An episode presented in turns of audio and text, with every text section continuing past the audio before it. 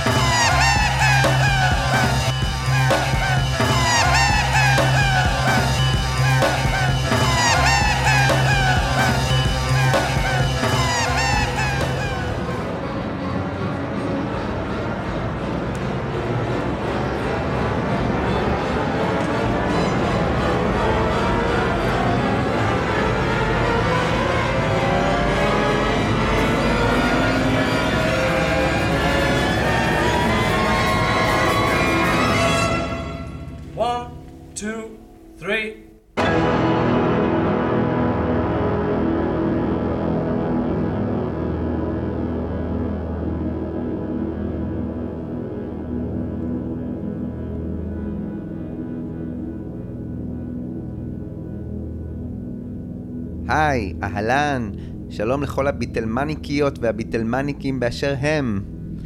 הגעתם למקום הנכון, זה הפודקאסט ביטלמניקס, ולי קוראים אורי קואז. האמת היא שככל שהסדרה הזו מריבולבר לפפר הולכת ומתקדמת, אני חושב יותר ויותר לעצמי אה, עד כמה אני אוהב את התקופה הזו של הביטלס, ועד כמה היא באמת באמת חשובה, אה, לא רק לקריירה של הביטלס, זה needless to say, אלא בכלל לאבולוציה של המוסיקה הפופולרית. הדבר שלא עוזב לי את המחשבות אה, ולא נתפס, הוא האורך החלקיקי יחסית של התקופה המופלאה הזו. פחות משנה וחצי, מתחילת 1966 ועד לצאת אה, האלבום סארג'נט פפר. וההשוואה המיידית שעולה לי לראש היא 1969 של הביטלס, שאם סופרים אותה במלואה, כמו שעשיתי בסדרה ההיא בפודקאסט, אז היא מתפרסת מינואר 1969 ועד לאמצע 1970. תקופה של uh, כשנה וחצי עד שיצא האלבום Let It Be. זאת אומרת, יש קווי השקה, אבל בהפרש של שלוש שנים, זו בכלל לא אותה הלהקה. זו לא אותה חדוות היצירה, שלא לדבר על אה, החדשנות או הרעב. וזה נכון, אבי רוד הוא אלבום נפלא, אבל הוא יותר אלבום שמבליט ומסכם את סך הקריירה ואת הלמידה בקריירה הלא ארוכה יחסית הזו של הביטלס. בתקופה הזו של 1966, שהניבה גם כן שני אלבומים, יש קסם חד פעמי ובלתי נתפס מבחינת השינוי שעבר, אה, על, אני מזכיר, הרכב של בחורים צעירים מליברפול שניגן קאברים ואהב מאוד רוקנרול. הטרנספורמציה שעברה לביטלס בתקופה הזו מרתקת אותי כבר שנים, ואם יש משהו שהייתי אה, רוצה שיצא מהסדרה הזו, זו ההבנה, או לפחות ההבנה החלקית של השינוי הזה, שעבר על הלהקה והוליד שני אלבומים ששינו את פני המוזיקה הפופולרית. שוב שלום לכם, אנחנו בחלק מספר 4 במיני הסדרה מריבולבר לפפר, פרק שעומד להיות עמוס בכל טוב. ליתר דיוק, נקליט עם הביטלס היום לא פחות מחמישה שירים עבור האלבום החדש שלהם. שלושה קטעי אסיד רוק של לנון, אותו הז'אנר החדש שנוצר עם Tomorrow Never Knows ו-Rain, והמשיך לתוך עומקם של ההקלטות לאלבום. ניתן את הזכות גם למר הריסון אה, להתבטא ולומר את שלו, אבל נראה גם את התהום שמתחילה להיפער, במיוחד בין מקארטני להריסון. נקנח בקטע של מקארטני, שבעזרתו של המאסטרו ג'ורג' מרטין, הפך literally לקטע קלאסי בקנון של הביטלס, ואולי במוסיקה הפופולרית בכלל. הנה חזרה קטנה כדי לקבל קצת קונטקסט. בחלק הראשון קיבלנו את המושג אה, להשפעות שהביאו הביטלס להקלטות של ריבולבר. וראינו את מקארטני הופך אט אט לכוח המניע שמצליח לסחוף אחריו את הלהקה למחוזות אחרים ופחות סטנדרטים ללהקת פופ או להקת רוק. ויחד עם הפלורליזם שלו בכל מה שנוגע לז'אנרים מוזיקליים, הצליח לא רק להביא את השינוי לשירים שלו, אלא גם להשפיע ולעניין את שאר חברי הלהקה. בחלק השני פתחתי את ההקלטות לאלבום עם אותה הטרילוגיה הפילוסופית, שהביאה שיר מכל כותב, אבל חשוב יותר, הראתה איך האולפן הופך למעבדה שבה אפשר לייצר ולברוא דברים וצלילים מחדש.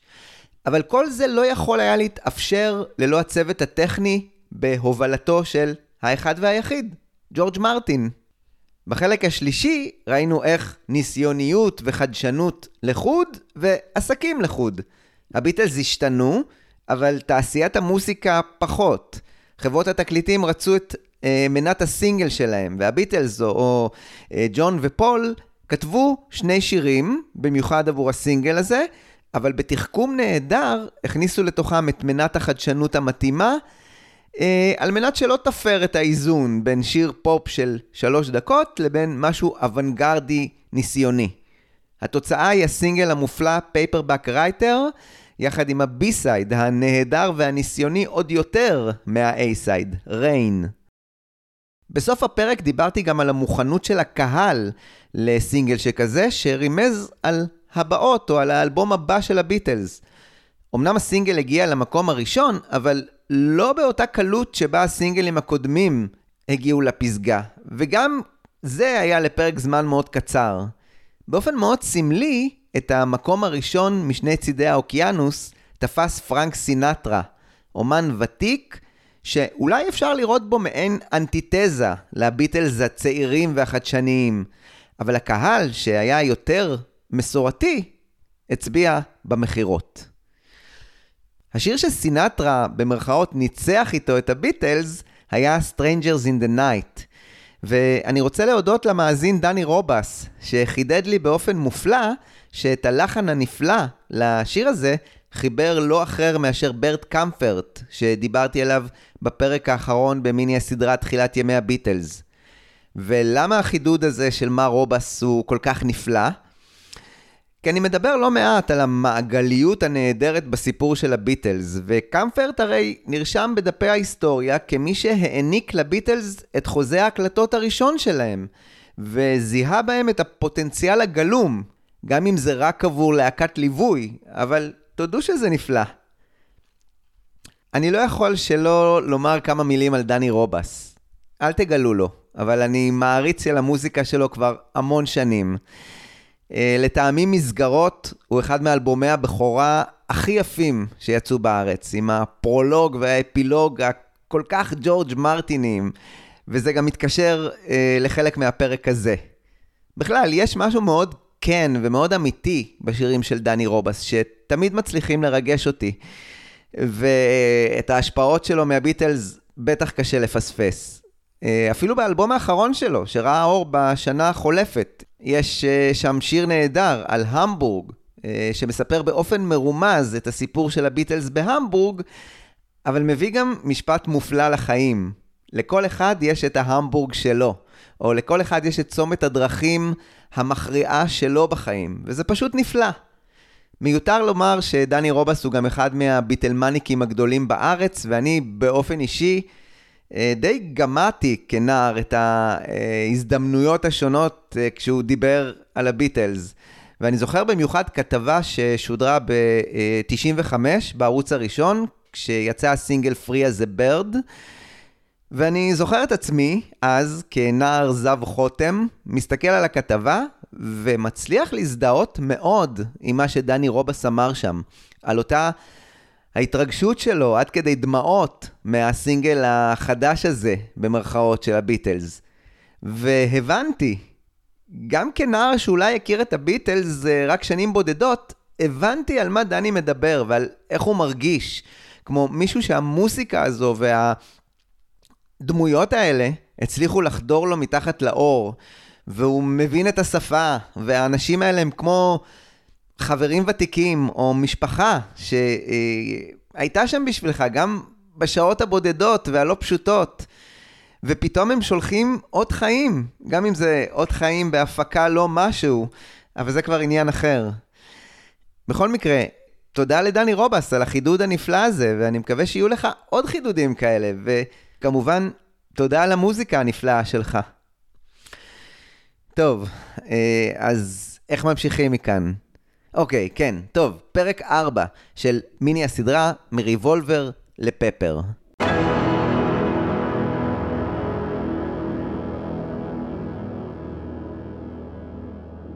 בפרק הקודם, כאמור, הביטלס סיימו ב-16 באפריל לעבוד על שני שירי הסינגל החדש שלהם, שראה אור בסוף מאי בארצות הברית ובתחילת יוני בבריטניה.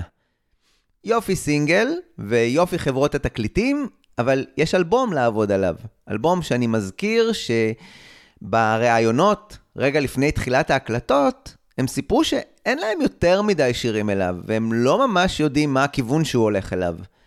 עד עכשיו שמענו את הגישה הניסיונית, את ההשפעות מהסול ומסטאקס, וההשפעות הארדקור מהמוסיקה ההודית, ועוד שני שירים שהוקלטו עבור הסינגל אה, באופן יחסית מסורתי, אבל עם חידושים כמו בס עוצמתית, הרמוניות סבוכות יותר וביץ' בויזיות, ושילוב של הקלטות מהופכות.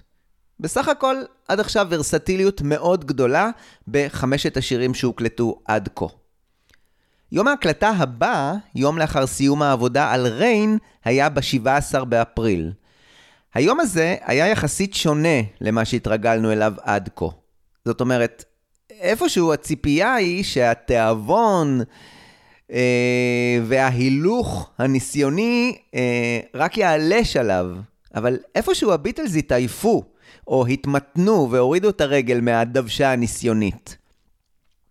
בשיר הבא שהביא לנון לאולפן, ואם נדבר שוב במושגים של טרילוגיות, היה אחד משלושה שירים חדשים שהיו לג'ון, שהיה בהם מכנה משותף, שהמשיך בגדול את הקו של Tomorrow Never Knows ו-Rain, אבל הוא קיבע בו את הז'אנר המאוד זמני של לנון, שאני אוהב לקרוא לו ה acid rock.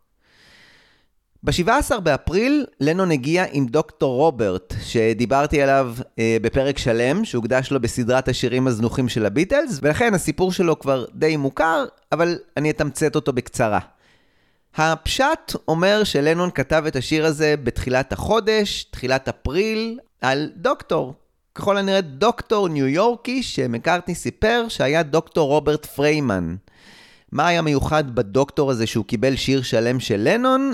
Uh, לדוקטור הייתה קליניקה ברחוב איסט 78 בניו יורק, שסיפקה לכל uh, עשירי האזור כביכול זריקות ויטמין B12, אבל כאלה שהיו מחוזקות באמפיטמין, אותו סם ממריץ שהביטלס נהגו לצרוך בין היתר בהופעות הסיזיפיות בהמבורג, כדי לעבור את שעות הבמה הארוכות והמייגעות.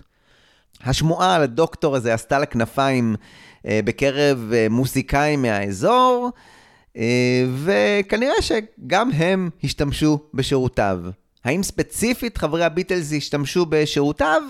אני לא יכול להתחייב על זה. במיוחד כשפול סיפר על השיר הזה, חשבנו שזה רעיון מצחיק. איזשהו דוקטור מהפנטזיות שיכול לתקן כל דבר על ידי כך שהוא מספק לנו סמים. זו הייתה פרודיה על הרעיון. סבבה, אוקיי. עד כאן הסיפור הפשוט. אם נחבר את הדוקטור רוברט פריימן יחד עם דוקטור טימותי לירי, נמצא מכנה משותף. שניהם דגלו אה, בשיטות טיפול לא קונבנציונליות כדי לפתור בעיות.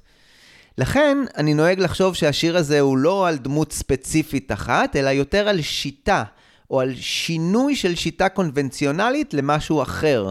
משהו שלנון ניסה להצדיק בין היתר בחייו המבולבלים. מי שהאזין לפרק על אלבומי הפלסטיק אונובנד, יודע שהמחשבה הזו של אה, פתרון בעיה בדרך לא קונבנציונלית, תחזור על עצמה גם כשלנו נשמע על קוסם אחר מבחינתו, המטפל דוקטור ארתור יאנוב. בשיר דוקטור רוברט, הדגש של לנון הוא על מישהו שעוזר לך להבין, ועוזר לך לראות את עצמך, ולהיות אדם חדש ומשופר. או בקיצור, משנה לך את התודעה ככה שתוכל להמשיך בזרם החיים בדרך חדשה.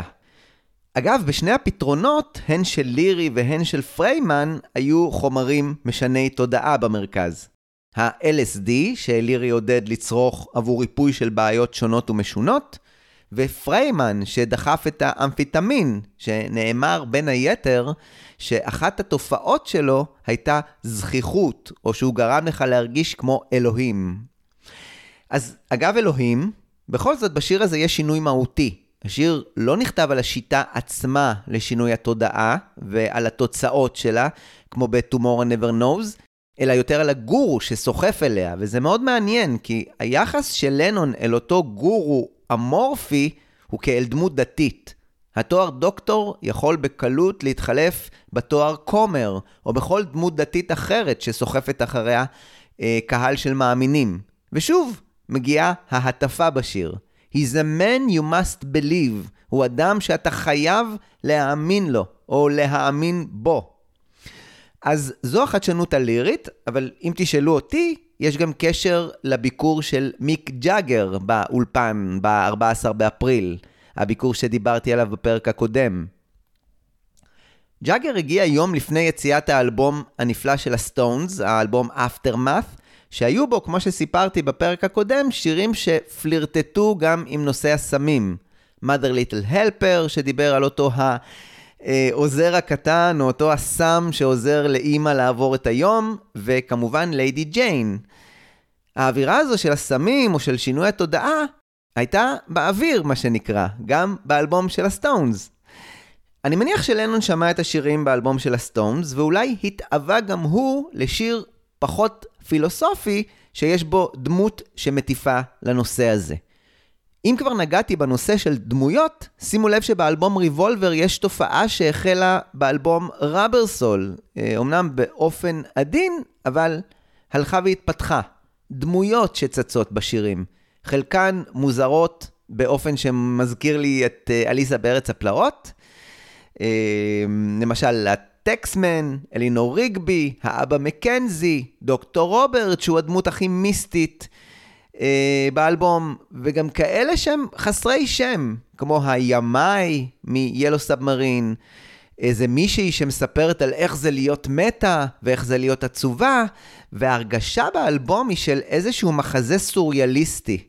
והמגמה הזאת תלך ותתפתח ותמשיך גם באלבום הבא, בסארג'נט פפר, שבו הלהקה עצמה נכנסה לתוך איזושהי דמות, איזושהי דמות של להקה פיקטיבית, אה, מתוך איזשהו מחזה.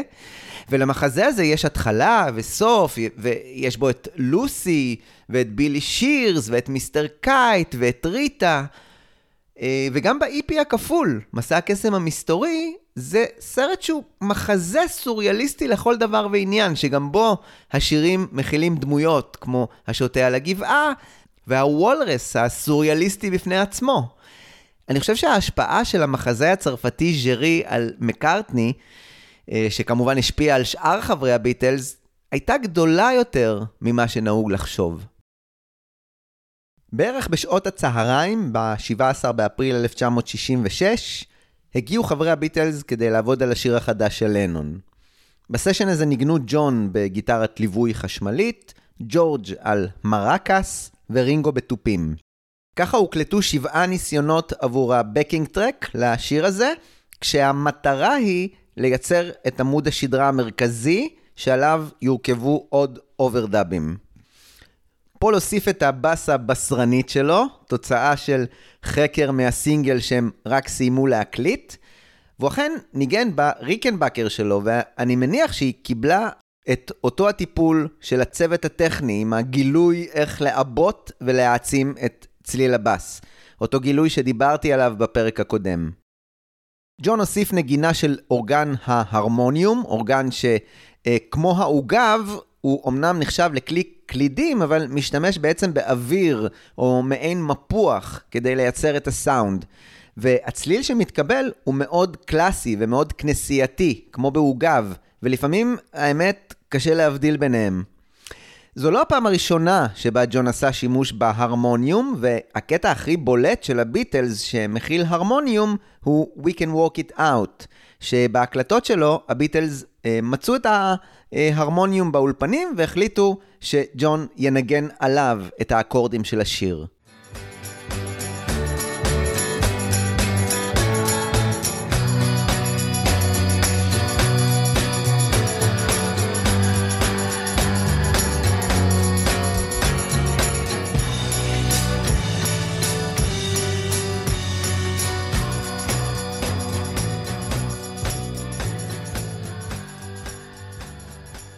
ההרמוניום בדוקטור רוברט היה הרבה יותר סמלי. בקטע הפזמון, או המידל אייט, בקטע שבו ג'ון שר את ה-well, well, well, התיישב הקטע הכנסייתי הזה והשלים בעצם את העיסוק הדתי בשיר, וחיזק את הסיפור או את התזה שמדובר בדמות דתית שבה צריך להאמין.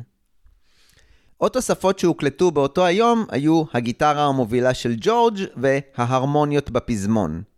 יומיים אחר כך, ב-19 באפריל, הם חזרו כדי לסיים את העבודה על השיר, ובעצם הדבר העיקרי היה ההקלטה של הקול הראשי של ג'ון, יחד עם אה, קולות רקע קלים של פול.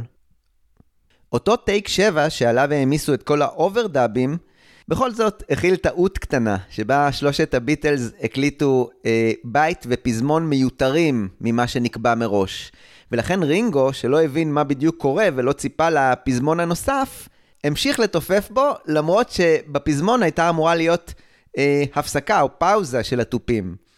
טעות חמודה בעיניי, שכמובן ירדה בגרסה הסופית, ולכן הגרסה הזו, בטייק 7, קרובה לשלוש דקות, לעומת הגרסה הסופית שמכילה שתי דקות וקצת.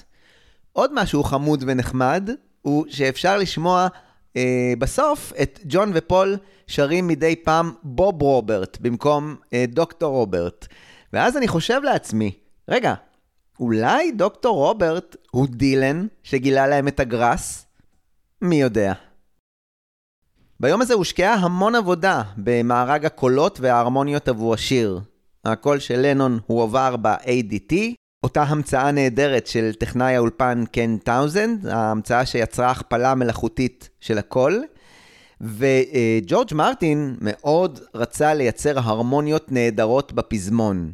מרטין כינס את חברי הלהקה סביב פסנתר, והראה להם איך הוא רוצה שכל אחד ישיר. והתהליך הזה היה לפעמים מאוד סיזיפי, וג'ף אמריק סיפר שההשקעה הזו של שעות על גבי שעות של מרטין עם הביטלס על ההרמוניות, די פינתה לו זמן כדי לחשוב על חידושים בתחום הסאונד. Well, well, well, you're feeling fine. Well, well, well, he'll make you. הקטע הבא שאיתו לנון הגיע לאולפן למחרת היום, ב-20 באפריל, היה שיר בשם And Your Bird Can Sing. אה, אחד הקטעים שאני אה, אוהב מאוד, ואני יודע שיש המון אנשים ומוסיקאים שמאוד אוהבים ומעריכים אותו. אבל יש מוסיקאי אחד שלא העריך אותו בכלל. קראו לו ג'ון לנון. ובכל הזדמנות הוא אמר שזה זוועה של שיר, ושיר שבכלל היה מיועד לזריקה. זכותו, אבל זה באמת אחד השירים שהליריקה בהם היא מאוד חידתית. זאת אומרת, יש את ה vibe של איזשהו טריפ LSD באוויר, אבל יש גם עירוב של משהו אישי יותר, כשלנון לראשונה גם בא בטענות לדמות לא ברורה, אה, אולי לעצמו. דמות שיש לה הכל, והיא ראתה את שבעת פלאי עולם, ושמעה כל צליל שיש, אבל בסופו של דבר, לנון חסר הביטחון מרגיש נטוש. לא רואים אותו ולא שומעים אותו, ובאמת הכותרת של השיר הזה, אה, או הפואמה הזו, הייתה בתחילה You don't get me. אתה או אתם לא מבינים אותי. חוסר הביטחון הזה של לנון יבוא לביטוי אה, בעוד פואמה שהתבשלה אצלו, שבה הוא שר אה, או התלונן שלאף אחד לא אכפת. ועליה ועל התוצר הסופי השונה לגמרי שהתפתח ממנה, Yellow Submarine, אדבר בפרק הבא. באופן כללי, אפשר לראות איך השירים של לנון הופכים ליותר ויותר אישיים וביוגרפיים, כשהשיא מבחינתי יהיה בהמשך השנה, עם Strawberry Fields. המשפט שאני הכי אוהב ב-And Your Bird Can Sing אומר משהו כזה: When your prized possessions start to weigh you down, כשהרכוש היקר שלך מתחיל להכביד עליך. ויש בו במשפט הזה אולי את כל התמצית של איך לנון הרגיש בתקופה הזו. כשברכוש, אה, אני לא חושב שמדובר רק אה, על כסף, אלא גם על נכסים כמו להקה ותופעות הערצה והופעות וזה מעניין לקרוא את המשפט הזה בשיר שלנון אה, בעצם אה, די מתכחש אליו. ב-20 באפריל הגישה לשיר באולפן הייתה דומה מאוד להקלטה של דוקטור רוברט. הניסיוניות האולפנית נדחקה הצידה לטובת קטעים יותר ידידותיים מוסיקלית, ואולי גם מטעמי הספק, כי בכל זאת צריך להקליט אלבום. הליינאפ היה מאוד מסורתי, ואפילו חזר לדברים שהביטלס כבר עשו. והדבר הבולט ביותר היה השימוש של ג'ורג' בגיטרת הריקנבקר, בעלת ה-12 מיתרים. גיטרה שהפיקה את הצליל המצטלצל, סטייל הבירדס, שהריסון השתמש בו כבר בראבר סול, למשל ב-If I Needed Someone.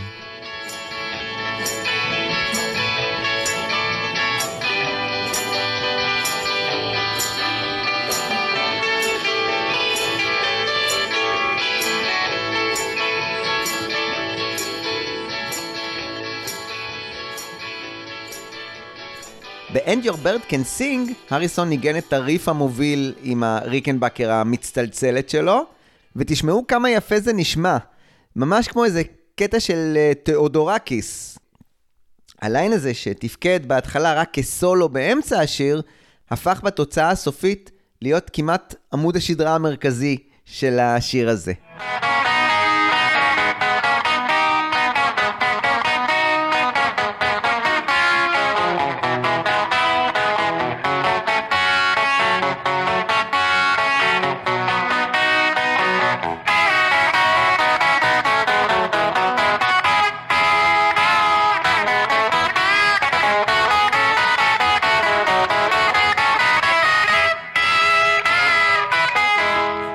יחד עם הריסון ניגן גם לנון בגיטרה מלווה, ורינגו היה על התופים. בניסיון השני, ג'ון היה כבר מרוצה, ואפשר לשמוע אותו בסוף הטייק אומר, אה, זה היה זה, נכון? הפעם הן ג'ון והן פול שרו את הקולות המובילים, וג'ורג' ליווה בהרמוניות. פול הוסיף את הבאס, אבל הפעם, מסיבה לא ברורה, אה, הוא לא התאפק. והקליט עוד אה, גיטרה על גבי הסולו היווני של ג'ורג' כדי לעבות אותו. pattern התנהגותי שעוד יחזור על עצמו בפרק הזה. כשג'ון ופול ניסו להקליט סט נוסף של אה, קולות מובילים על גבי הקולות המובילים שהם הקליטו קודם, זה כבר הפך למסיבת צחקוקים שכמובן אה, נפסלה לשימוש, אבל נשארה כתיעוד נפלא וקיבלה את הכינוי גרסת הגיגלינג, שראתה אור כבר באנתולוגיה. אני מודה שלשמוע אותה תמיד תמיד מעלה לי חיוך והרגשה טובה, וזה אולי אחד מהרגעים מרוממי הנפש בקריירת ההקלטות של הביטלס, ולו רק מהסיבה שזה רגע מזוקק של סינרגיה ושמחה בין ג'ון לפול. בשלב הזה, עם ג'ון ופול המצחקקים, הופסקה העבודה על השיר, כשה-state of mind היה שהעבודה עליו די הסתיימה. ולראיה, חמישה מקסי מונו הוכנו ממנו באותו היום. אנחנו עוד נחזור אליו.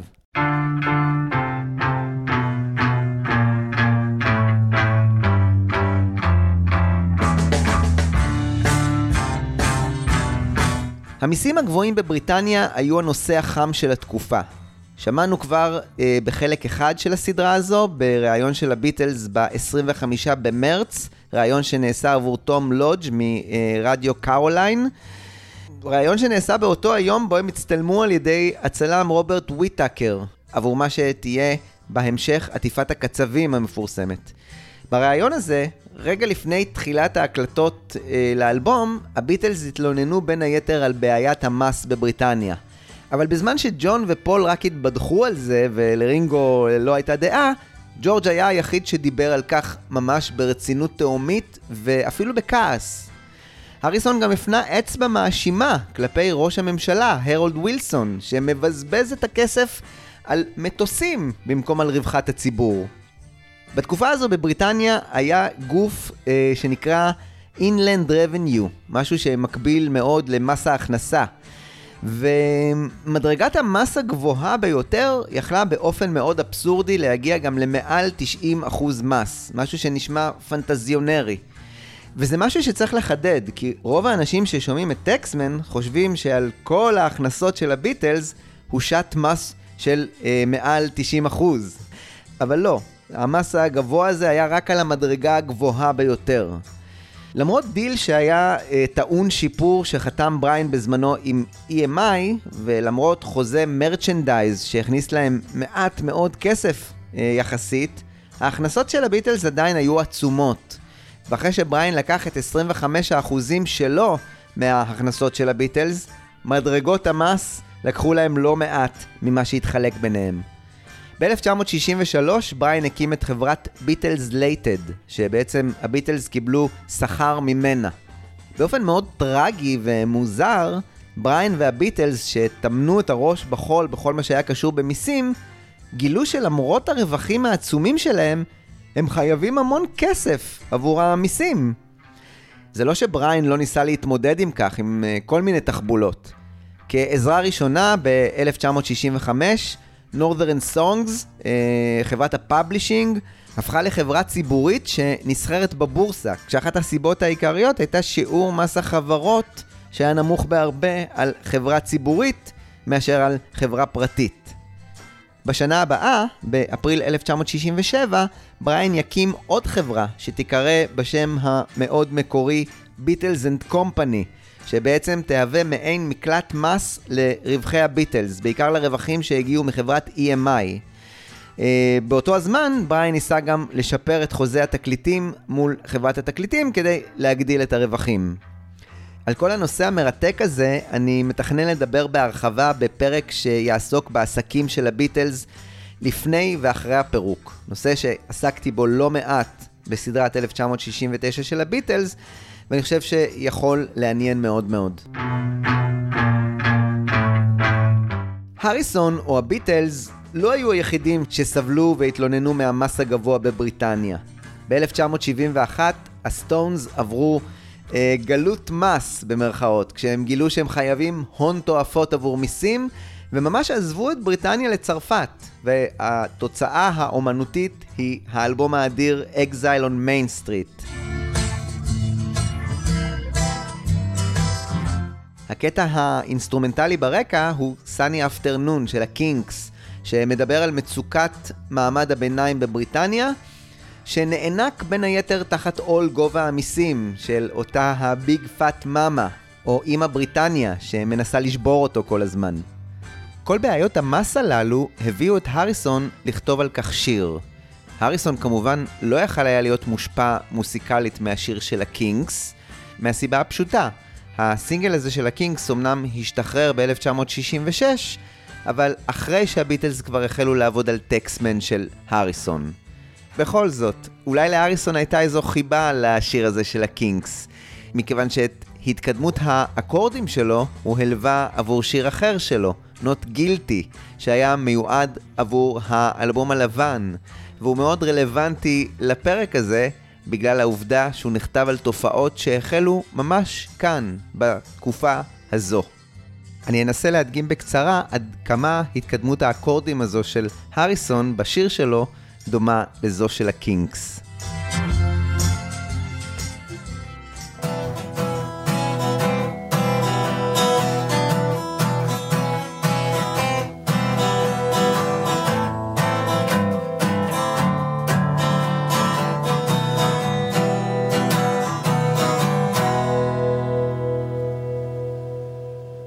השיר הזה, טקסמן, אה, הוא קטע נפלא שיפתח את האלבום ריבולבר, אבל בכמה מובנים הוא גם הטרגדיה של ג'ורג' הריסון והסמן לתחילתה של תקופה קשה שלו בביטלס, שהשיא שלה יהיה העזיבה שלו ב-10 בינואר את פרויקט גט בק. בחלק 2 במיני הסדרה הזו, בהקשר של uh, Love You 2, דיברתי על הקושי שג'ורג' עצמו uh, הודה בו בכתיבה של שירים, בעיקר בכתיבת הליריקות. במקרה של טקסמן, mm, זה לא היה שונה. ג'ורג', למרות הרעיון שהיה לו, נתקע בכתיבת המילים עבור השיר הזה. מי שעזר לו לסיים אותו היה לא אחר מאשר ג'ון לנון. שימו לב לדברים החשובים שסיפר על כך ג'ון. אני זוכר את היום שהוא, ג'ורג', התקשר כדי לבקש עזרה עם טקסמן, אחד השירים הראשונים שלו. זרקתי פנימה כמה שורות ועזרתי לו, כי זה מה שהוא ביקש.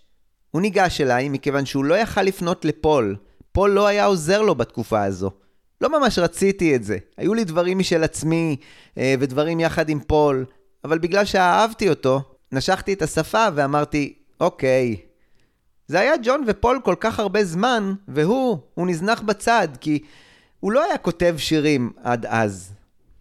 דברים חשובים, למרות שג'ורג' כן תרם שירים לאלבומים של הביטלס, משהו כמו שישה שירים עד האלבום ריבולבר לא כולל, הם לא ראו בו ככותב שירים.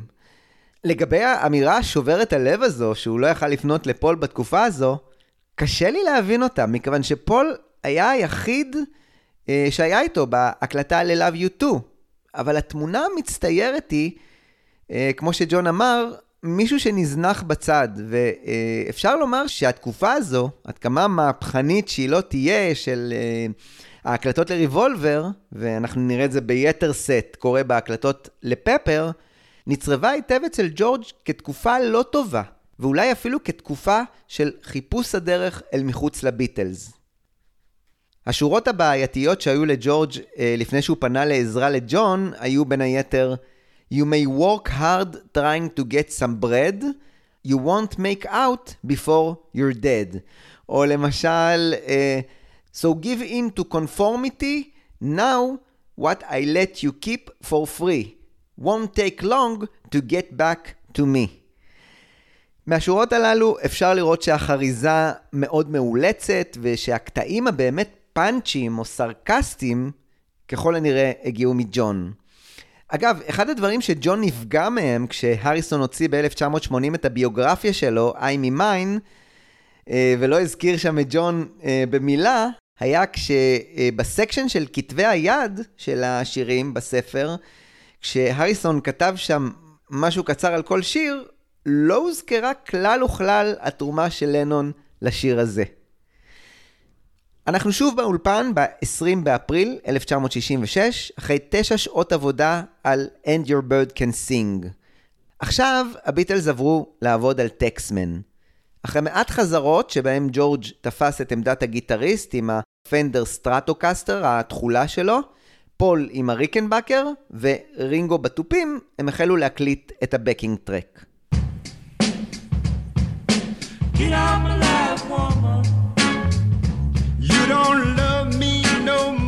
pattern הליווי החד והסטקטוי הזה שהריסון ניגן, הושפע מסינגל שראה אור בסוף 1965. סינגל של לי דורסי, הניו אורלינזי, שנקרא Get Out of My Life Woman.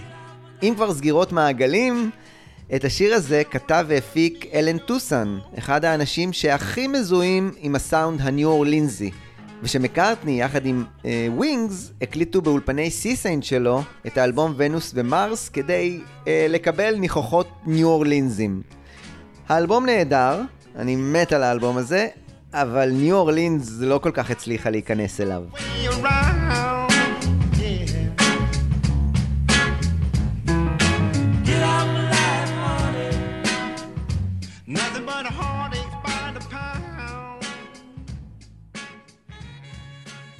העייפות מהיום הארוך הזה באולפן ב-20 באפריל 1966 עשתה את שלה, ואחרי כמה ניסיונות לא מוצלחים, הביטלס פרשו לפנות בוקר כל אחד לביתו.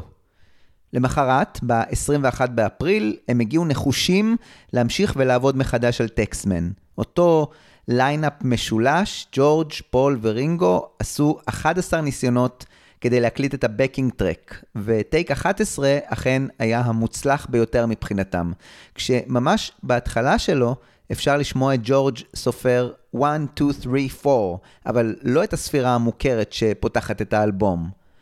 על גבי טייק 11, ג'ורג' הקליט את הקולות הראשיים, כשפול עוזר בקולות רקע פה ושם. כשפול הקליט את קולות הרקע שלו, הוא החל את ההקלטה בספירה בקול מאוד מעניין. והוחלט להשאיר אותה על גבי טייק 11.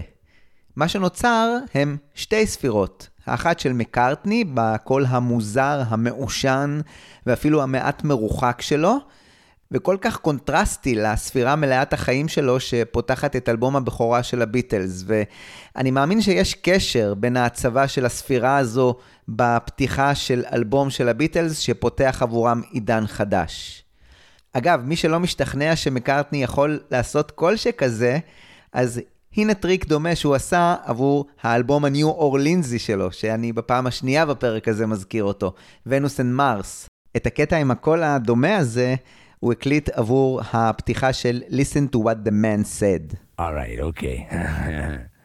Very good to see you down New Orleans, man. Yeah, yeah, yeah, yeah. הספירה השנייה היא זו שברקע של הריסון, זו שנשארה מההקלטה של הבקינג טרק. One, two, three, four. One, two. Let me tell you how it will be. There's one for you, 19 for me.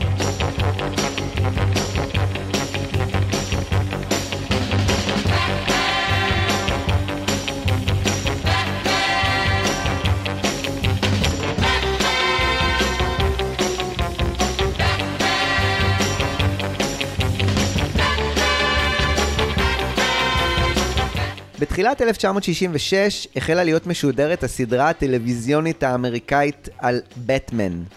את קטע הפתיחה שלה כתב המלחין ניל הפטי, והאמת הנעימה הזו נשמעה כמו איזה קטע סרף. קריאות הבטמן בקטע הזה הציתו כנראה את הדמיון לג'ורג' ולפול, שהקליטו יחד את קולות הרקע עבור טקסמן בהשראה של בטמן.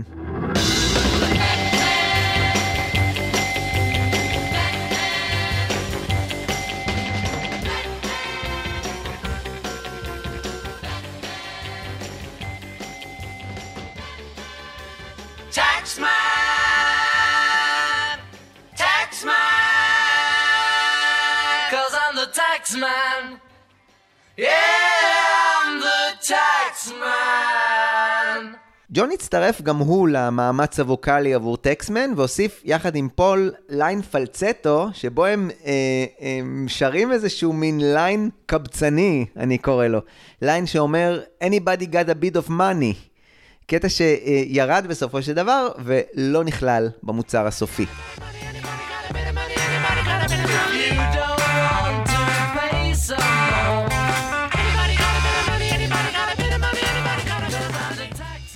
אני עומד לומר משהו שכואב גם לי לומר, ואני מתנצל מראש.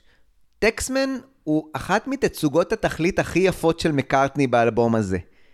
זה נשמע רע, כי זה שיר של הריסון, אבל זה בדיוק הכאב. שוב פול הביא את הבאס העצומה, בשרנית, פיוטית, ג'מרסונית, אה, איך שתרצו לקרוא לה. אבל ניחא, ביום הזה קרה אחד האירועים שאולי הניחו את התשתית לבעיות שילוו את היחסים של השניים, אה, הריסון את מקארטני, בהמשך הדרך. אני יודע שזה נשמע דרמטי מאוד, אבל אם מישהו רצה פחות או יותר לדעת מה הנקודה שבה החל השבר הזה בין הריסון למקארטני, אז זה זה. כשהגיעו להקלטה של הסולו של השיר, אריסון היה הבחירה הטבעית מן הסתם. השיר שלו, הוא הגיטריסט המוביל, אבל ג'ורג' התקשה להקליט אותו. על פי ג'ף אמריק, נעשה ניסיון להקליט אותו בחצי מהירות, כדי להקל על הריסון, אבל זה פשוט לא עבד. אחרי המון זמן של ניסיונות, נכנס ג'ורג' מרטין לאולפן והביע מ, תרעומת על הזמן הרב שלוקח להקליט את הסולו הזה.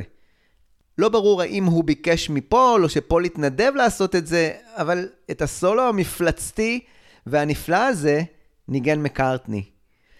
וצריך לומר שמקארטני די בבוטות, ואני מניח קצת שיכור ממעמדו ההולך ועולה בלהקה, הכניס לשיר הזה של הריסון ליין בס אלמותי, יחד עם סולו גיטרה אגדי, וזה נכון שהשיר של הריסון את לנון נפלא ועוקצני וכועס, אבל אני חייב לומר שהאלמנטים של מקארטני הם אלה שזכירים ממנו. גיטריסט שלוקחים ממנו את סולו הגיטרה שלו, זוכר את זה. מאוחר יותר אה, ידחה מקארטני גם את הסולו שהציע הריסון עבור היי hey ג'וד, ורגשי הנחיתות של הריסון הלכו ובעבעו ורתחו בפרויקט גט בק והגיעו לשיא עם העזיבה שלו ב-10 בינואר 1969. והולידו את האמירה הקשה שלו על התקופה הזו. הוא, פול, הרס אותי כגיטריסט.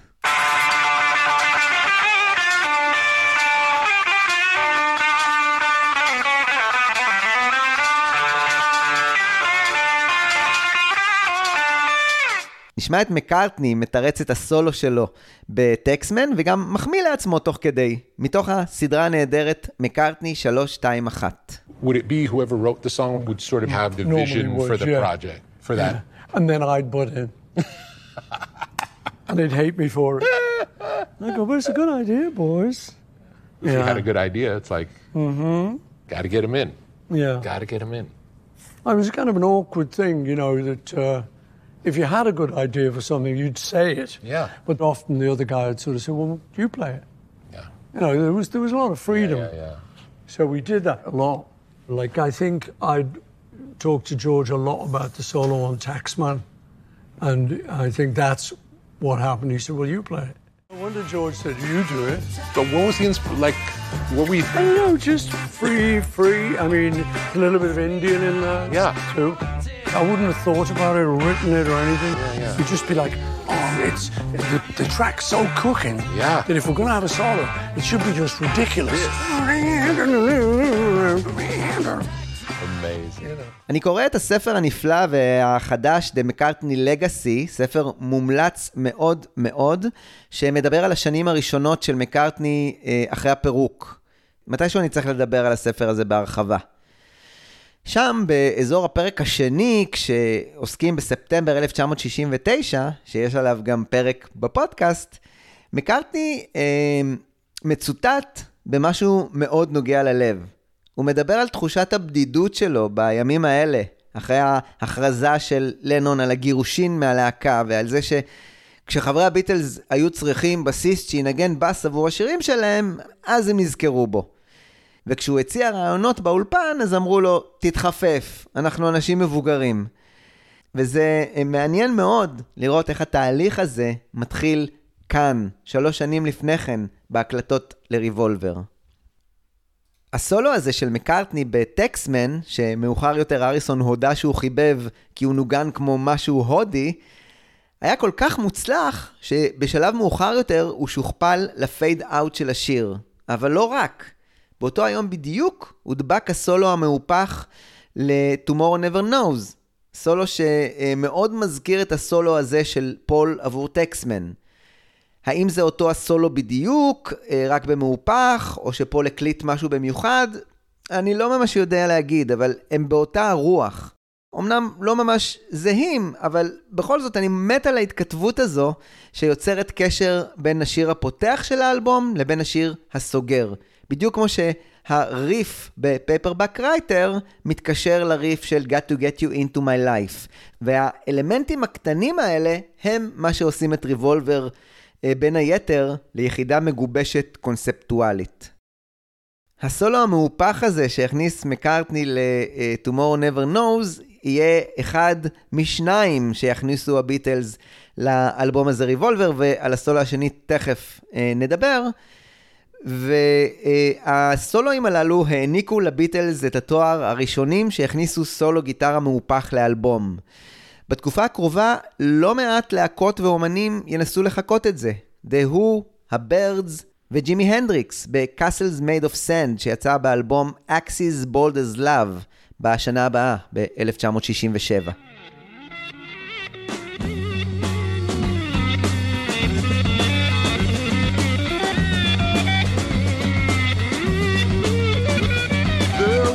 Young girl whose heart was a frown cause she was crippled for life but she couldn't speak a sound and she wished and prayed she could stop living so she decided to die.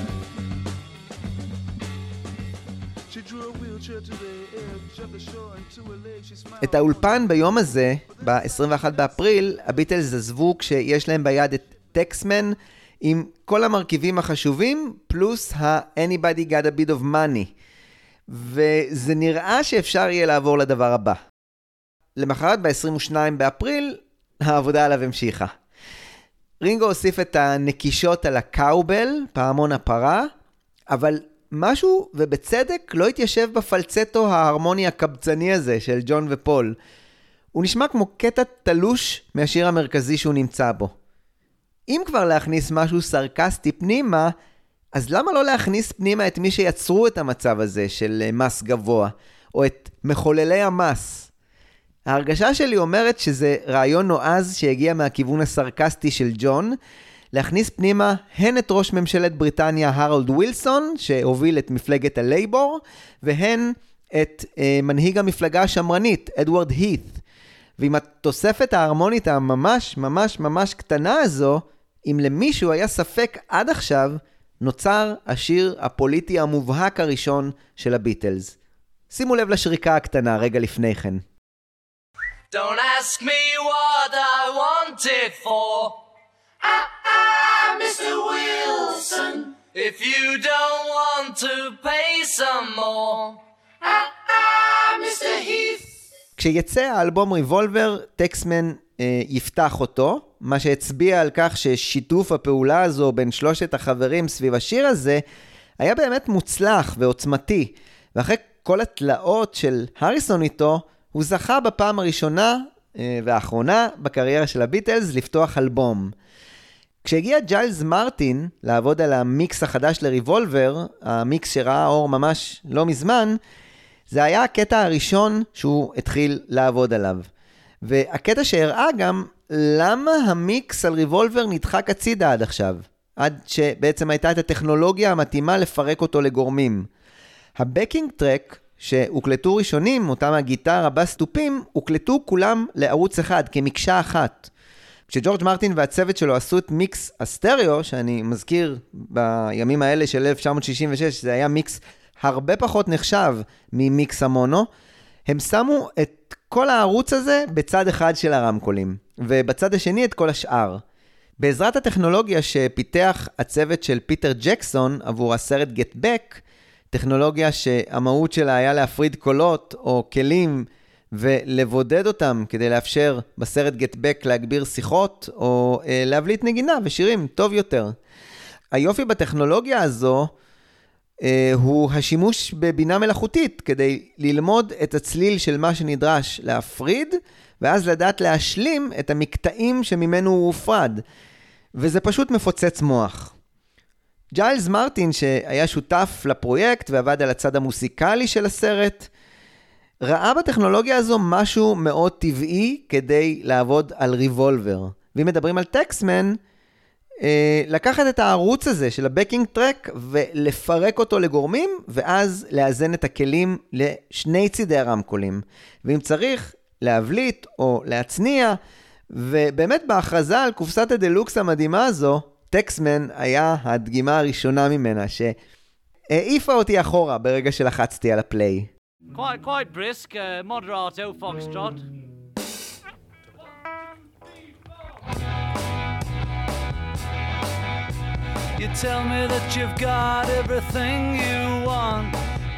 ב-26 באפריל הביטלס הגיעו לאולפן ההקלטות, ובאופן מפתיע החליטו להקליט את And Your Bird Can Sing מסקרץ'. בתחילת העבודה הם החליטו לגשת אליו אחרת, ובמקום קטע עולץ, לנסות לעשות אותו באופן קצת יותר כבד ואיטי. מטייק לטייק הם הלכו והשתחררו מהכבדות יותר ויותר, עד שבתחילת טייק 5, ג'ון כבר עודד את כולם להשתחרר. שיהיה די נמרץ, בקצב מודורטו, כמו אה, ריקוד הפוקסטרוט, שהוא ריקוד בקצב של ארבעה רבעים. בכל זאת, למרות העידוד של ג'ון, הגרסה הזו נשמעת עדיין איטית הרבה יותר מאשר התוצר הסופי שאנחנו מכירים באלבום, אבל היא כבר באותו הסולם של הגרסה הסופית. הטייק העשירי ביום הזה היה הטוב ביותר, ואיתו הביטלס המשיכו. ולפנות בוקר, הרימייק עבור And Your Bird Can Sing היה גמור. You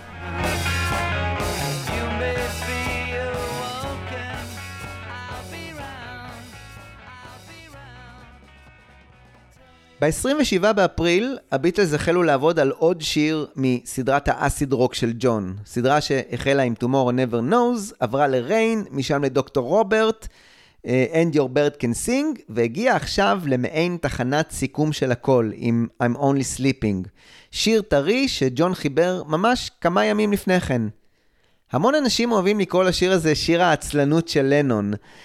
אה, ואפשר להסתכל על השיר כעל שיר חוסר מוטיבציה, עצלנות, חיבה לשינה או כל דבר בהקשר הזה. בריאיון המפורסם עם מורין קלייב, ג'ון הביע את אה, חוסר המוטיבציה שלו לעשות דברים בתקופה הזו ודיבר על עצלנות גורפת. כמובן, יש את הסיפור הידוע של מקארטני, שהיה מגיע בתקופה הזו לסשני כתיבה משותפים עם ג'ון בביתו, והיה נאלץ לחכות אה, שג'ון יואיל בטובו להתעורר. ופעם אחת כשהוא המתין לו, אז פול כתב את אחד השירים היפים ביותר שלו, שנעסוק בו בפרק הבא. השיר הזה, I'm Only Sleeping, הוא גם מעין שיר המשך ל-Nowhere Man, שעסק אה, גם הוא במעין ביטול עצמי ובמעין רצון שכזה לא לעשות שום דבר. ואולי שניהם אפילו העידו על דיכאון כלשהו שעבר עליו. דיכאון שאולי היה קשור באותה בדידות שהוא גזר על עצמו ובריחוק ממרכז העיר ומרכז העניינים. כשאני קורא את המילים של I'm only sleeping, אני רואה בנוסף המשך של התכתבות עם הספר של טימותי לירי ועם חוויית האסיד של Tomorrow Never Knows. אה, וגם עם אותם האנשים שבורחים מהגשם בריין, וכאן בשיר הזה רצים לכל כיוון ולא יודעים למה. אם ב-Tomorrow Never Knows יש תיאור כללי של החוויה, או הוראות אה, איך להרחיב את הדעת, כאן כבר החוויה הרבה יותר אישית, ולנו נמצא ממש בתוכה, והוא מסוגל לראות דברים שאחרים לא רואים, כמו למשל הסתמיות של הדברים, ושאולי לא צריך להתאמץ יותר מדי, כי ממילא הזמן הרי חולף מבעד לחלון. ב-27 באפריל, אחרי עבודות מיקס על שירים שכבר הוקלטו, עבודות מיקס שנערכו בחלקו הראשון של היום, בסשן הלילה, הביטלס התחילו לעבוד על I'm Only Sleeping.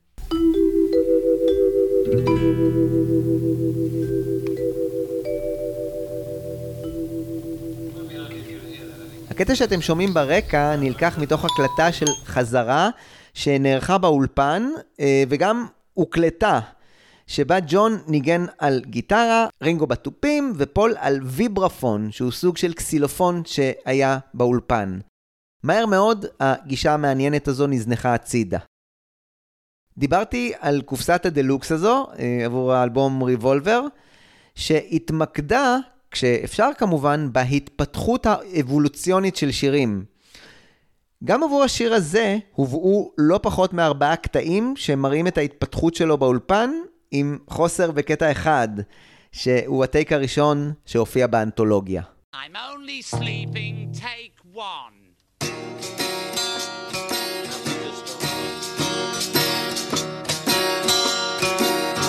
בטק הראשון הזה אפשר לשמוע שכרגע הליינאפ הוא שתי גיטרות, אה, ג'ון וג'ורג', רינגו בטמבורין ופול בקולות רקע יחד עם שירה של ג'ון. I'm still yawning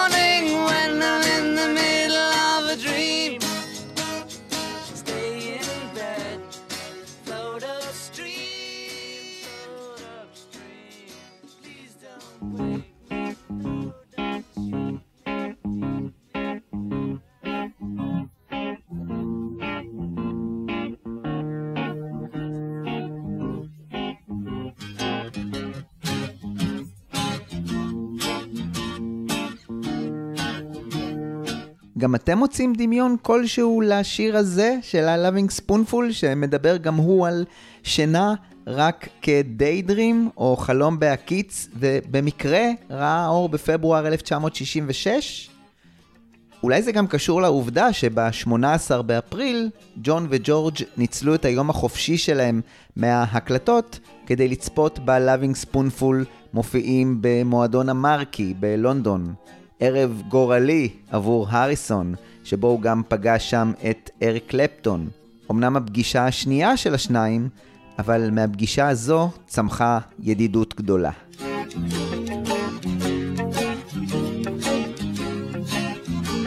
את ה-Loving Spoonful יחד עם אותו השיר, אני אזכיר גם בהקשר של שיר אחר שהוקלט עבור ריבולבר, ועליו נדבר בפרק הבא.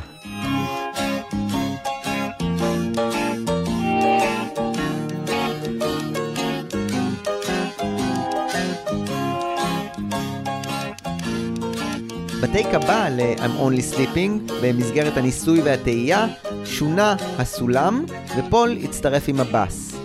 מהר מאוד ג'ון התבלבל בשירה, והתעניין מדוע פול לא שר, ואז ביקש ממל אבנס שיביא לו מפרט עבור הטייקים הבאים.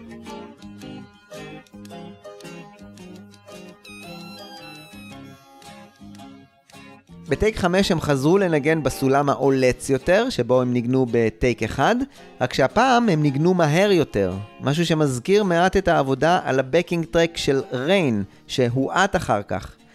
אז זה לא רק מזכיר, כי זו בעצם הייתה השיטה בדיוק. לנגן מהר כדי להאיט אחר כך.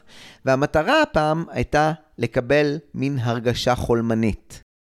הפעם, כמו בריין, את הקולות, הקולות הראשיים וקולות הרקע, אה, השאירו למועד מאוחר יותר. יחד עם טייק 9 המוצלח, הביטלס סיימו את יום ההקלטה הזה. יומיים אחר כך, ב-29 באפריל, הוקלט עוד טייק, שעל גביו הוקלט קול מואץ של ג'ון, ההרמוניות של פול וג'ורג', והדבר הכי חשוב, הפיהוק של פול, שנתן לשיר אווירה מנומנמת. אגב, איך אנחנו למדים שזה פול מפהק? רגע לפני הפיהוק הגדול הזה שלו, שומעים ברקע ממש ממש ממש חלש את ג'ון אומר, Yawn Paul, פול, תפהק. אם האזנתם לפרק הקודם על הסינגל המהופך של הביטלס, אתם בטח זוכרים שבשיר Rain, אחרי ההתלהבות מהקולות המהופכים של ג'ון, הייתה מחשבה לשלב גם גיטרות מהופכות. ואכן, ג'ון וג'ורג' הקליטו כמה צלילים של אה, גיטרה, וג'ורג' מרטין והצוות שלו השמיעו אותם במהופך. אבל לבסוף, ההיפוך של קולו של ג'ון היה הדבר המהופך היחיד שנכנס לשיר, אולי כדי לא להעמיס יותר מדי היפוך על השיר הזה. הפעם, קדחת הרוורס, כפי שהגדיר אותה אמריק, הצליחה להיכנס שוב לשיר של הביטלס, שצריך לומר, נעשה כמעט באותה הנוסחה של ריין. הריסון היה אמון על ההקלטה של קטע הגיטרה, וההקלטה הזו התרחשה בחמישה במאי, וצריך לומר שיש מקומות אה, בהם נכתב שהניסיונות שלו להקליט ליין גיטרה שיישמע בנופח חולמני אחרי ההיפוך, לקחו משהו כמו שש שעות. מה שמתחבר שוב לניסיון הלא מוצלח להקליט את הסולו של טקסמן. משהו עבר על הריסון באותה התקופה, ואולי העניין ההולך וגובר בסיטאר ובכלים ההודים גבו ממנו את המחיר של להיות גיטריסט. ככל הנראה הסולו המהופך הזה ב-I'm Only Sleeping הורכב משני טרקים של גיטרות, כשאחת מהן חוברה לאפקט פאז. הנה מה שהקליט הריסון ביום הזה, באופן רגיל, ואז במהופך.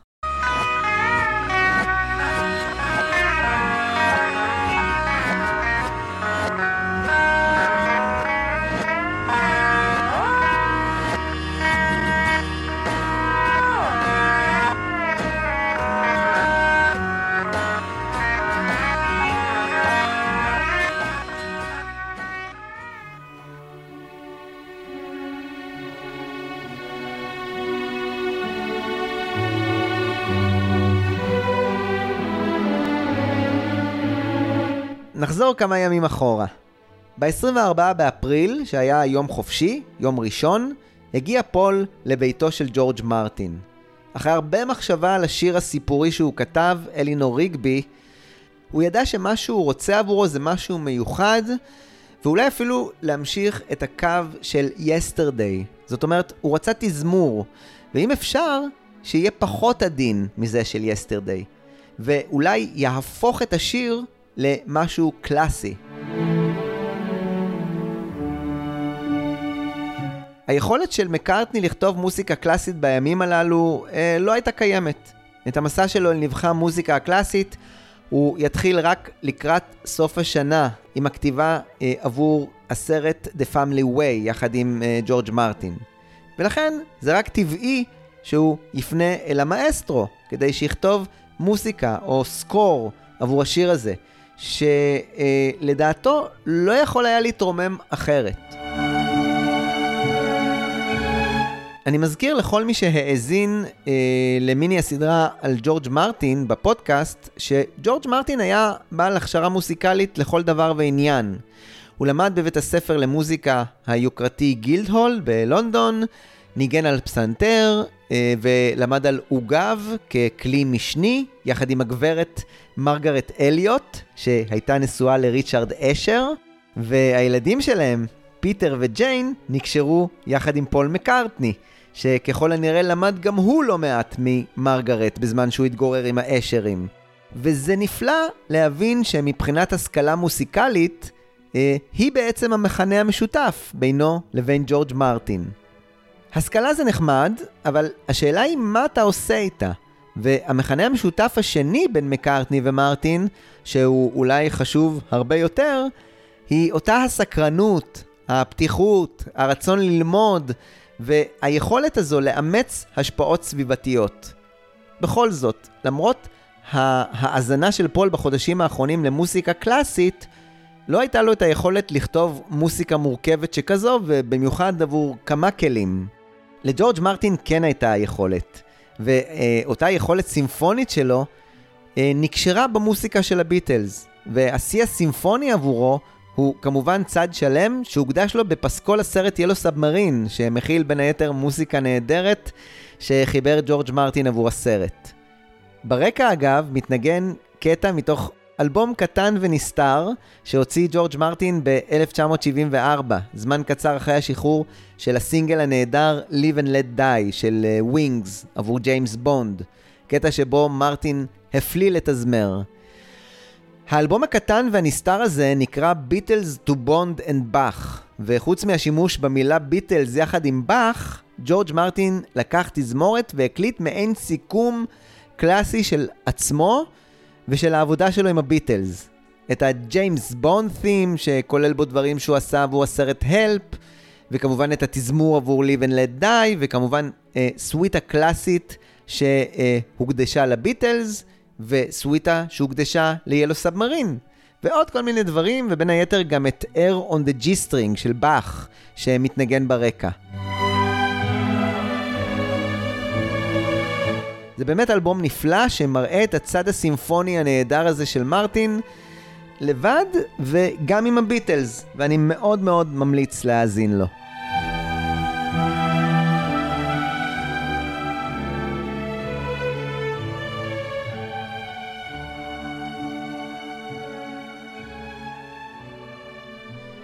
ב-1965, כשהגיע מקארטני עם השיר שהוא חלם, uh, לאולפן, uh,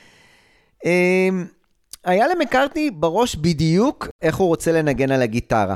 הבעיה הייתה שזה כל כך התאים לשיר, שאף אחד מחברי הביטלס לא חשב על משהו שהוא יכול לתרום לשיר בנוסף. ג'ורג' מרטין הציע לראשונה לביטלס, אה, או לפול, שימוש בכלי מיתר. פול נרתע מזה אה, משתי סיבות עיקריות. מה הקשר בין להקת רוק אנד רול ובין עיבוד כלי מיתר? אה, ככה לפחות הוא חשב. והדבר השני הוא שתוספת כזו, כמו שהוא הכיר שעושים מפיקים אחרים, תוציא את העוקץ מהשיר ותהפוך אותו למשהו סחריני ושמלצי. ג'ורג' מרטין חשב על משהו אחר בראש. הוא חשב על רביעיית מיתרים שתוסיף מימד קלאסי עדין לשיר הזה של מקארטני, ל-Yesterday. והתוצאה ידועה. קטע נפלא שרביעיית המיתרים הנוגה הזו מקפיצה אותו בכמה רמות. ולאור ההצלחה, היכולת או הכלי הזה נכנסו לארגז הכלים של הביטלס או של פול, ולא נעשה בהם שימוש נוסף עד לרגע זה, ב-1966. אם התזמור שכתב מרטין עבור יסטרדי היה יחסית עדין, הפעם, באלבום מהפכני כמו ריבולבר, היה מקום למשהו אחר, קצת יותר נועז. ההוראות שהוא קיבל מפול לגבי השיר אה, היו שהתזמור הזה צריך לייצר מעין קצב. זאת אומרת שהתזמורת אמורה לתת מענה או קונטרה ללהקה, או להחליף אותה, אבל רק בשימוש במוסיקה קלאסית.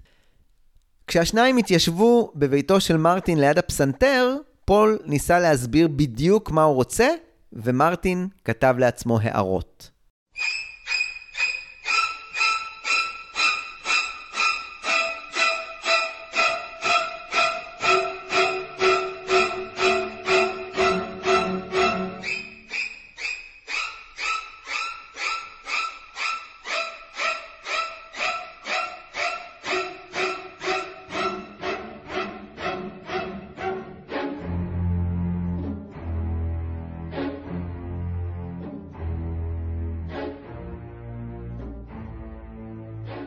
ב-1960 ראה אור הסרט סייקו, הסרט הנהדר והמוכר ביותר של הבמאי האנגלי הכל כך מוכשר, אלפרד היצ'קוק.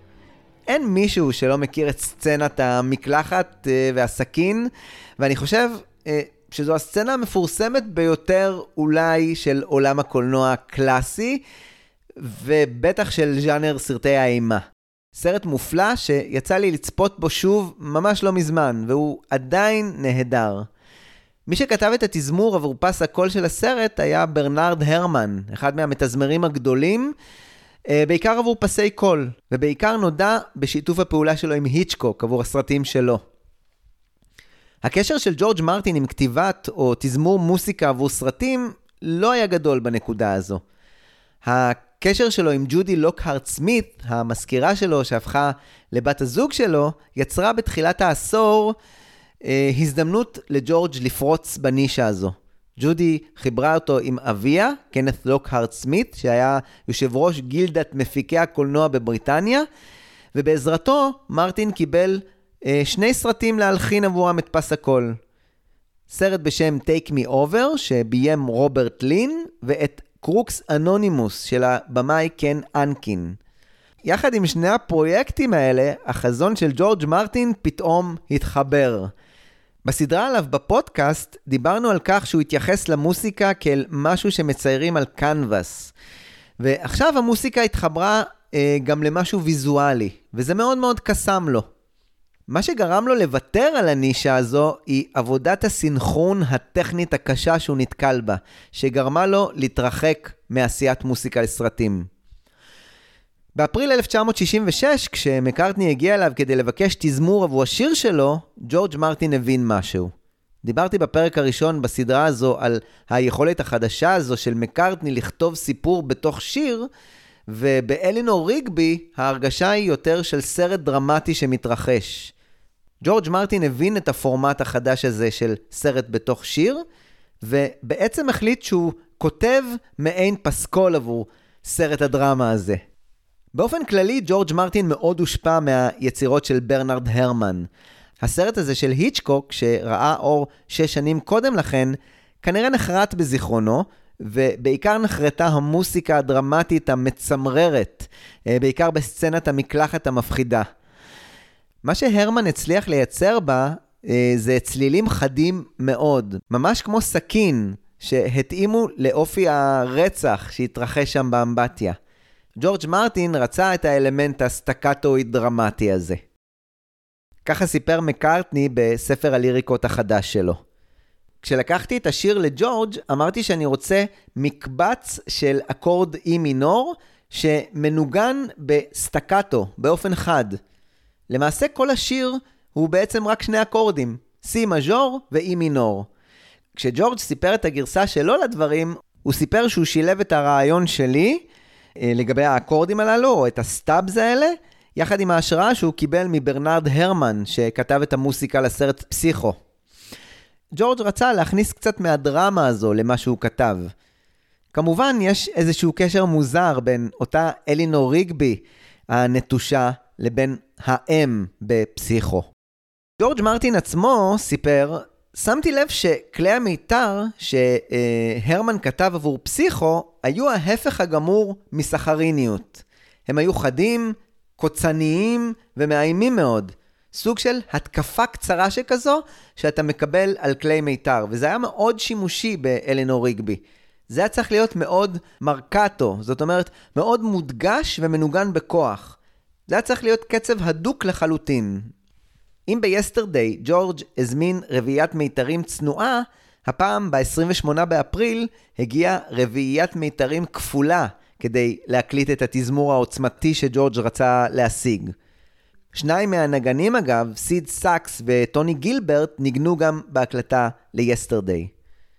למרות שמקארטני הציג למרטין את השיר על הפסנתר, ולמעשה פול כתב את נגינת הפסנתר שלו בסגנון באך, הפעם הפסנתר זז הצידה, ולא כמו ב-Yesterday, כשהגיטרה הייתה הכלי המרכזי. הפעם התזמורת, או להקת הקצב הקלאסית, הייתה המרכז שעליה ישיר פול. מרטין היה אחראי הפעם במאת האחוזים להבליט את הדרמה ואת הרגש רק בעזרת התזמורת. שמונת נגני כלי המיתר הגיעו אחר הצהריים לאולפני EMI, ופול וג'ון היו נציגי הביטלס היחידים שנכחו בהקלטה הזו. ג'ורג' מרטין הסביר לנגנים את מה שהוא כתב, ואיך הוא רוצה שהם ינגנו, ואחר כך התפתחה שיחה באולפן בין אה, ג'ורג' והנגנים, האם לנגן עם ויברטו, זאת אומרת לסירוגין בצלילים גבוהים ונמוכים, או ללא ויברטו, באופן פשוט יותר. בשלב מסוים ג'ורג' פנה לפול, שהיה בחדר הבקרה, כדי לשאול אותו האם הוא מבדיל בין שתי הגישות האלה.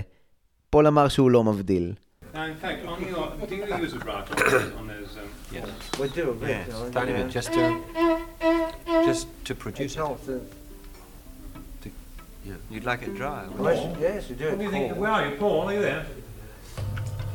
Do you want him to use yes. the, Do you the course at all? Do you want to hear it? I can't hear you. What?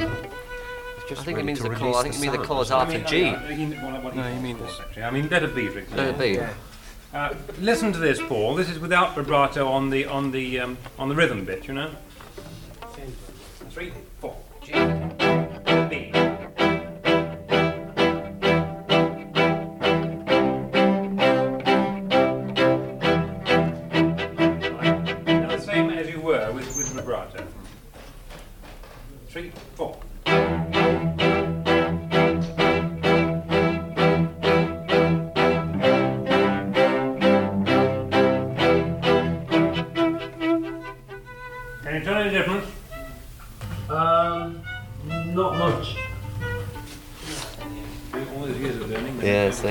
it sounds the same. It sounded better without. Yeah, I thought it did actually. Yes. It sounded better Sounds without. better without.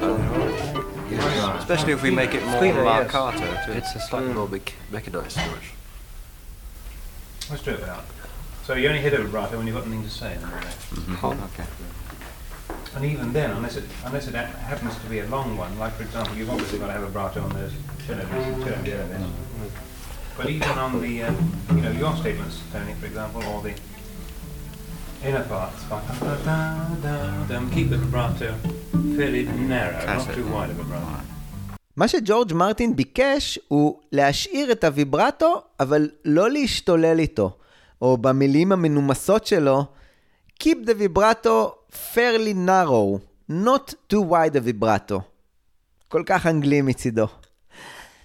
בשלב מסוים, לפני ההקלטה של טייק מספר 2, התזמורת החלה לנגן מנגינה מאוד מוכרת לנו, הישראלים. That's it. That's it.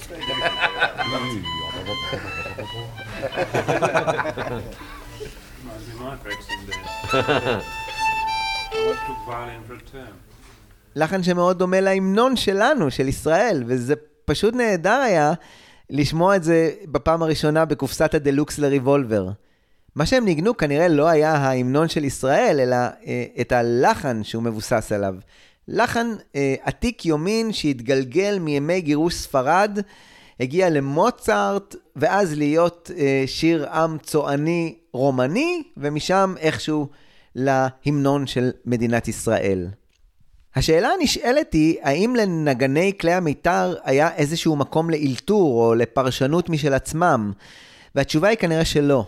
הם כאנשי מקצוע באו וניגנו את מה שכתב ג'ורג' מרטין, אחד לאחד, והלכו הביתה. 14 טייקים הוקלטו עבור התזמור של ג'ורג' מרטין על ידי התזמורת. מה שהוקלט אה, פוזר על ארבעת הערוצים של מכשיר ההקלטה, מה שאומר שני כלים על כל ערוץ.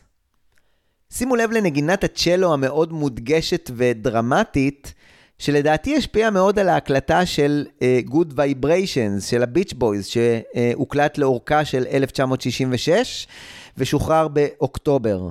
לצליל הצ'לו הזה, בריין ווילסון קרא הפלופלור. למחרת ב-29 באפריל הגיעו הביטלס, או אה, ג'ון, פול וג'ורג', לאולפן כדי להקליט את הקולות על גבי התזמורת. פול הקליט את הקול הראשי, וג'ון וג'ורג' את קולות ההרמוניה בפזמון. All the lonely people, where do they all come from? All the lonely people, where do they all belong? Ah, look at all the lonely people. Ah, look at all the lonely people. ג'ורג' מרטין לא היה בטוח לגבי איך הוא רוצה שהקטע הזה יסתיים. דיברתי מקודם על ההשפעה של באך על הנגינה של אה, פול על הפסנתר, וג'ורג' מרטין נזכר שבאך אהב להשתמש במשהו שנקרא counterpoint. זאת אומרת, בשתי הרמוניות שמשולבות ומשלימות זו את זו. דוגמה טובה היא הפוגה, שהייתה טכניקה שבה הולחנו מספר קולות עצמאיים יחדיו, ובאך אהב מאוד לכתוב פוגות. מרטין חשב איך הוא מסיים את הקטע הקלאסי הזה של הביטלס, והוא החליט לזמן את פול, שוב, לאולפן, כדי לתת את ה finish הסופי עבור השיר. בשישה ביוני, החודש בו הביטלס יסיימו את העבודה על ריבולבר, הגיע פול לאולפן כדי להקליט קטע נוסף עבור סוף השיר. קטע שהשתלב כ counterpoint, יחד עם השירה של פול עצמו, רגע לפני הסיום. הנה פול מקארטני עושה counterpoint עם עצמו. All the lonely people, where do they all come from? All the lonely people, where do they all belong? ה counterpoint המוזר הזה, לפחות עבור הביטלס, כבר יבוא בהרבה יותר טבעיות עבור פול הלמדן והשקדן והעצמאי בשנה הבאה, בהקלטה של שיר אחר שיופיע מאוחר יותר בסדרה, She's Living Home. זהו זה, הסתיים לחודש אפריל 1966 המרתק מאוד, לפחות לטעמי, שחשף מהפכנות עצומה בגישה ובמוסיקה של הביטלס, אבל חשף גם שינויים שהחלו לקרות ביחסים שבין חברי הלהקה. התשובה לכותרת של הפרק הזה, מהיכן מגיעים כל האנשים הבודדים, היא ככל הנראה שהם מגיעים גם מליברפול. תודה ענקית לכולכם על ההאזנה לפרק. Ah, look at all the lonely people. ב-1984 מקארטני הוציא את הסרט הלא ממש מוערך Give My Regards to Broad Street, שכלל בו עלילה תלושה לגמרי, אבל לא מעט קטעים יפים של פול ורינגו באולפן יחד עם ג'ורג' מרטין, שזה תמיד יפה לראות. הפסקול לסרט הזה, שיצא גם הוא באותה השנה, כלל חידושים לשירי הביטלס אה, ולשירים של מקארטני, ביניהם גם לאלינור ריגבי, שקיבל באלבום הזה הרחבה. מקארטני כתב קטע נוסף שנקרא אלינור's Dream, שהוא ממש קטע מוסיקה קלאסית אה, יפהפה לטעמי, שסוגר מעגל עם ג'ורג' מרטין. עכשיו, פול כבר יודע לכתוב מוסיקה קלאסית לבדו, וגם עבור אותה תמה, או המשך עבור השיר שהפך את המוסיקה של הביטלס בין היתר לקלאסית. מכאן, ברבות השנים, מקארטני יקליט לא פחות מחמישה אלבומים של מוסיקה קלאסית. People, where do they all come from? All the lonely people. בפרק הבא במיני הסדרה מריבולבר לפפר, אני מזמין אתכם יחד איתי לסגור את ההקלטות לריבולבר ולהוציא סוף סוף לאור את האלבום המהפכני הזה.